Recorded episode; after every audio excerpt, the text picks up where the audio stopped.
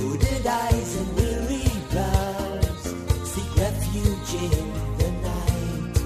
They are the scatterings of Africa. Oh macikwane. yebo Eh ba- baba si si- sizwile la indaba ezibhlungu zokudlula emhlabeni kuka ubaba uJohnny Clerk enisebenze naye isikhathi eside mhlawumbe ungakuqala nje kafushane eh ukuthi nihlangana nihlangane kanjani uthi nje halamuzi ukuthi nazane kanjani nini naqala nini ukuthi ningene endimini yomculo siqale ngo-1969 eh eqinisweni ke ukuqala kwethu ukuhlangana kwaba ngo-1969 ngisuka eThekwini mina.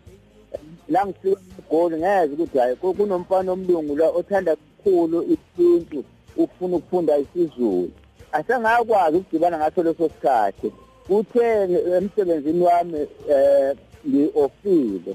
Eh ngihamba nje ngisafunda nendawo yaseGoli ngihamba ngenyanga ngidlala isidingi lana ngabe ngikonkoloza ngimemeza ngikhumbule emakhaya eh awu kanti uyongibona yena ephuma esikoleni. So uthe-ke nengibona ukuthi ngizodlula ngakubo. Awase ngishayela ikholo wangimisa wangicela ukuthi hayi ngiyayithanda lento e- oyikhalisayo ngicela u- ukungizisa ungishayela ingoma eyodwa ngamshayela sengicela ukuthi angingene ngaphakathi kubo. e- e- e- e- e- engethule kuma wakhe ngekade kwethula kuma wakhe umama wasabela kanjani? Njengoba phela sazi ukuthi lezi ayikhathi kwakuzi ikhathi ezingezinhle eh la khona eh, ubandlululo lwaludla umunyu eningizimu Afrika. Unina engcono kakhulu nethatha ngani ukuthi eh esazenda kancane esikhuluma kancane isizulu njengesifana kalo wangemukela kakhulu ngoba ngathi nase ngithola kahle ingiphi yanina umuntu okhulele kakhulu eZimbabwe. Esuka England. So ke wangemukela uma wakhe eh ayi kwangijabulisa nje kodwa ke nge- ngesaba ngoba ngayehlula ngisihlale ephilini bethi bangisathe ngacela ukuhlala phansi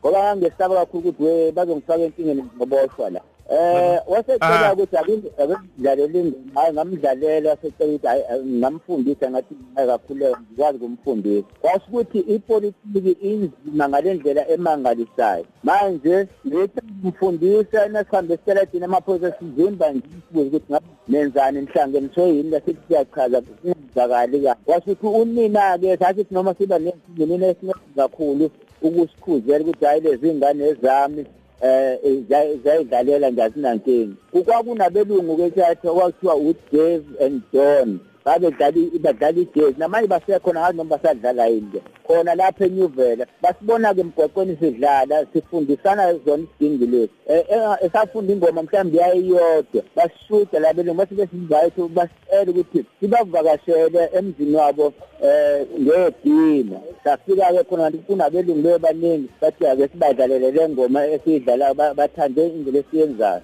Sadlala-ke wasikhipha emaphepheni Kwaku- kwakuqala kwethu-ke ma ukuhambe sibuze ukuthi kanti labantu banhloboni lezi iy'ngane ngoba besibancane. U- u- ujohn siyana ngonyaka naye mina ngoka-fifty-one ujohn oka-fifty-two. Eh na- na- nathola kanzima ngenxa yalo ubandlululo. Kodwa futhi nako- nakwazi iqembu lenu likhule li- lidlondlobale. Ezinye izinto njengogida ingoma ukubamba isikhwila sishwiba isikhwili njengensizwa eh yomuntu omnyama uJohn Clerk zonke lezi zinto u- u- uyifunde nini? U- uyifundiswe yini zonke lezo zinto? Ngoba u- okokuqala nga- ngamthatha ngamsela ekhuzeni ngangigida mina kakhulu ingoma ngathola la igolide engangakithi gida ingoma ushameni ewema. Kade yena ethathwe lo mfana wakamzila ukhona u- umzila aqala nakubona impela bathi uhlala imzila wamfundisa-ke umzila u- u- isibhaca kubizwa ngokuthi unhlangwini. Wafunda leso sibhaca eh ngamthatha mina ngamuse wema eh, wa- ngamfundisa ishameni fika ke yasemthinge yamachunu nayo yamfundisa ke ilokhuza umzansi ngoba sasihamba nje sibuka zonke ingoma yonke indawo isikhomazi umzansi ubhaca yonke lezi sibuka ethanda ukuthi eyifuni ngamkhuthaza-ke ukuthi ifunde yonke lento waze wangivakashela-ke nasekhaya. La abanenkinga enkulu khona ethi ngivakashele ekhaya kwafika amaphiko ukuthi nje ngafuneki nje ukuthi e- ehlale la na- eh, nabantu akafuneki futhi ebonakalelele emzini womuntu. Ongcono nezoza la akathola ikene hhayi amxosa-ke amaphoyisa. Hhayi sabuyela emuva naye egoli safika la sacela incwadi yasenyunivesithi kube sangathi khona kazokwenza la. Um bamenzela afika amaphoyisa futhi bathi lutho le ncwadi ayisho ukuthi akalala emzini yabantu. Akaphume nje emzini yabantu kungena akalala ngethende ngaphandle. Eyi uyabona esuke egoli ngehla naye ngama- ngamaphulumende kwakusakhona amaphulumende la aka- akaloliwe. Sathwala kanzima kanzima kanzima. Kodwa nje a- asangakubamba lokho kakhulu ngoba sasizingane futhi sibukela ukuthi bayasizonda nje labantu hayi ukuthi yini umone ngoba babona sihlangene abayi ukuthi sihlangene ngani. Lokho Mm, kuyezwakala macingwane.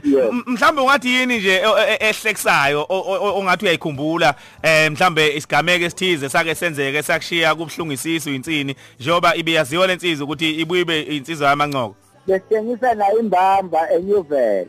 Eh. khona indawo eyayinepaki lapho sengisa nayo imbamba.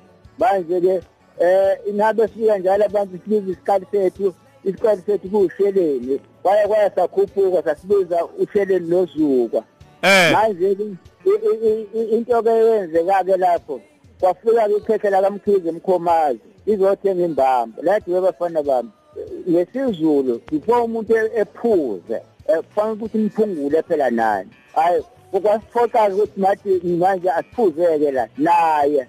Asidakwanga thatha ngalelo langa. Kahleka nasibukana ye manje sihlele sizesikhale inyembezi. Sidakwe lento kwathi-ke yena awu isidakile yona hey kodwa imnandi iwukhilini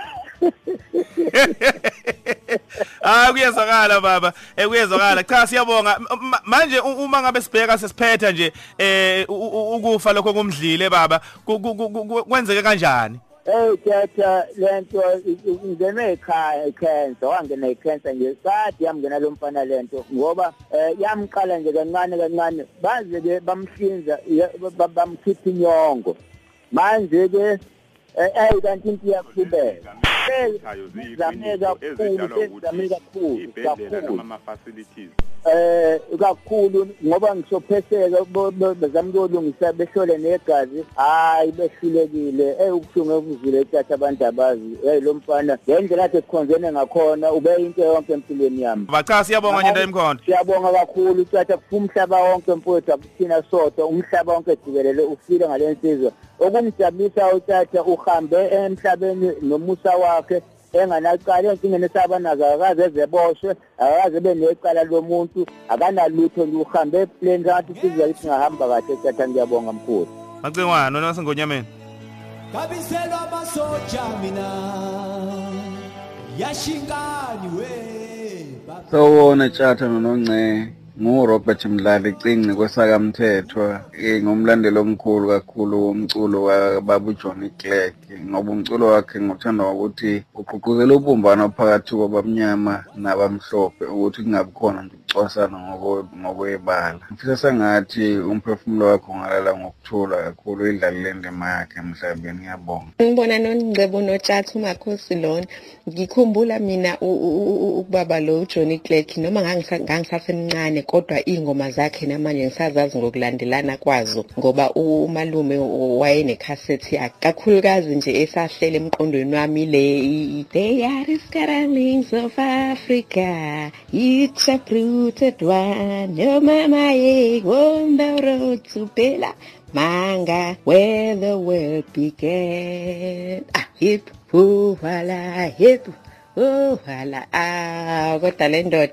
Kuthe nje mhlambe 3 or 4 years ago ngihamba lapha ema-office a- akametro qhamuke lo lo mlungu lo uvunulile. Akonakele ukuthi igqokela umblaselo nje waze wafaka ngisho umqhele la phezulu. Uthi hayi sikhuphuka unqane ukhuphuka amastabhisi umqondo wami ubuyele uthi hayibo uJohnny Clegg lo. Hey nkosi yami engathi akalala kahle iqhawe lethu bakithi. Hey uJohnny Clegg ngiyamazi kakhulu bewumngane baba kusukela kudala begida naye becula naye. Nango 89 eshada eshadela khona le ekhaya eshada umshado wesiZulu umchanguzo. Nawo 2007 ezovala ingoma ezovalelisa engomeni befikela khona le ekhaya. Ubefika nje vakasha njalo ngabo December ezosibona mayisehamba futhi ubeyishisa impepho. Enze konke ababekwenza nobaba egcina isiko lesizulu lesintu sibuhlungu kakhulu somndeni sikhathazekile ngayo yabonga